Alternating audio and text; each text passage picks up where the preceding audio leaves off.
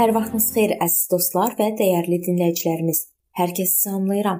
Mənim adım Sona və sizi Allahla 5 dəqiqə adlı podkastımızda xoş gördüm.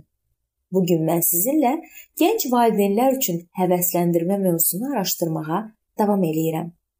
Öz uşaqlarının davranışına görə məyusluğa qapılan gənc valideynlərin əlləri soyumamalıdır. Uğuruna hamının sevindiyi nümunəvi ailələr də vaxtilə gənc valideynlər tərəfindən qurulublar. Çox güman onlarla söhbət zamanı aydın ola bilər ki, onlar da ailə həyatı zamanı sınaqlarla qarşılaşmış, səhvlərə yol vermişlər. Sakit və özünə əmin görünən həmin nənə və babalar da nə vaxtsa gənc olublar. Onların hamı valideyn və tərbiyəçi rolunda böyümələri üçün Allahın müdrikliyinə ehtiyacları vardı. Bundan əlavə, valideynlərin hər nəsli nə vaxtsa manuah etdiyi kimi Allaha yalvarış üçün üst tutmalıdılar.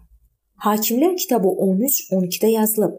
Sənin sözlərin yerinə yetəndə uşağın həyat tərzi və işi nə olacaq? Gənc valideynlər maliyyə imkanlarının məhdudluğuna görə də narahat ola bilərlər. Uşaqların dünyaya gəlməsi həqiqətən də xərclərin artması ilə müşahidə olunur. Üstəlik, gündəlik xərclərə indi əlavə olaraq ərzaq və tibbi xidmətlərə görə xərclər də əlavə olunur. Gənc atalar ailəni təmin etmək üçün çox zəhmət çəkə bilərlər. Evdar analar pula qənaət etməklə ərlərinə çox kömək etmiş olarlar. Ər və arvad maliyyədən birlikdə ağılla istifadə etsələr, xeyir-dua ala bilərlər. Lakin bir-birlərini qarşılaşdıkları çətinliklərə görə ittiham etsələr, yalnız məyusluğa düçar olarlar.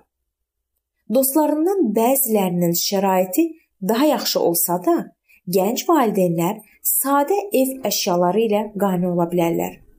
Uşaqlar görəndə ki, valideynləri nələri varsa ona qane olurlar, hansı ki İbraniləri 3:5-də yazılıb sadə həyat tərzi böyüməkdə olan uşaqlara müsbət təsir göstərir.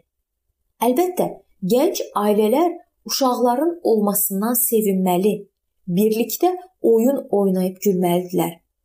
Baxmayaraq ki, ailə həyatı daimi sevincdən ibarət deyil. Allah hər ailə üçün özünə aid sevinc hazırlayır. Ailə üzvlərinin birgə əməyi mahnılar və ruhlandırma ilə müşayiət olunmalıdır. Əgər uşaqlardan biri məyus halda kənarda əyləşibsə, valideynlər onu ailə daxilinə qaytarmalıdırlar. Valideynlərin ailə həyatını xoş edən və hər bir uşağa arzu olunan və özünü sevimli hiss etməyə imkan verən sevinc saçmağa əla imkanı var.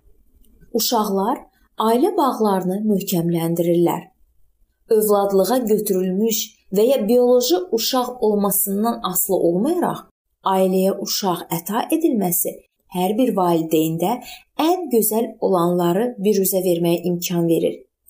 Hər bir adama ayrılıqda Allahın xeyir duası kimi baxılanda istənilən münasibətlərdə harmoniya ola bilər.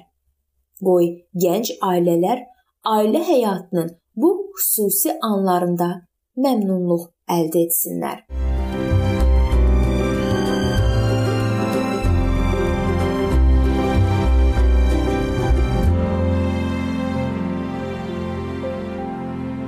Beləliklə əziz dostlar, bu mövzu burada sona çatdı.